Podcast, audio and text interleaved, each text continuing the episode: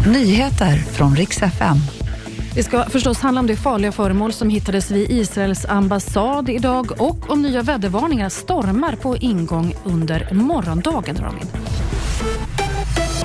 Ett misstänkt farligt föremål hittades idag vid Israels ambassad i Stockholm och enligt uppgifter till Aftonbladet så är det en handgranat som kastades in över ambassadens staket.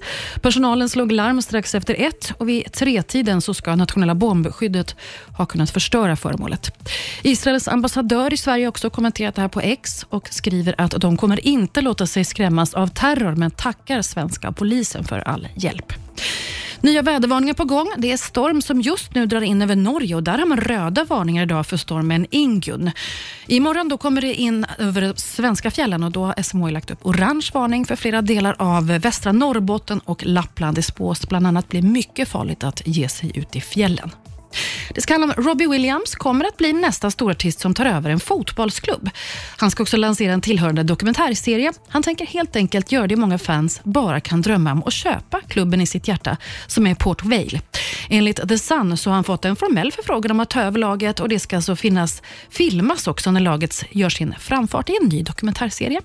Det var nyheterna och jag heter Maria Granström.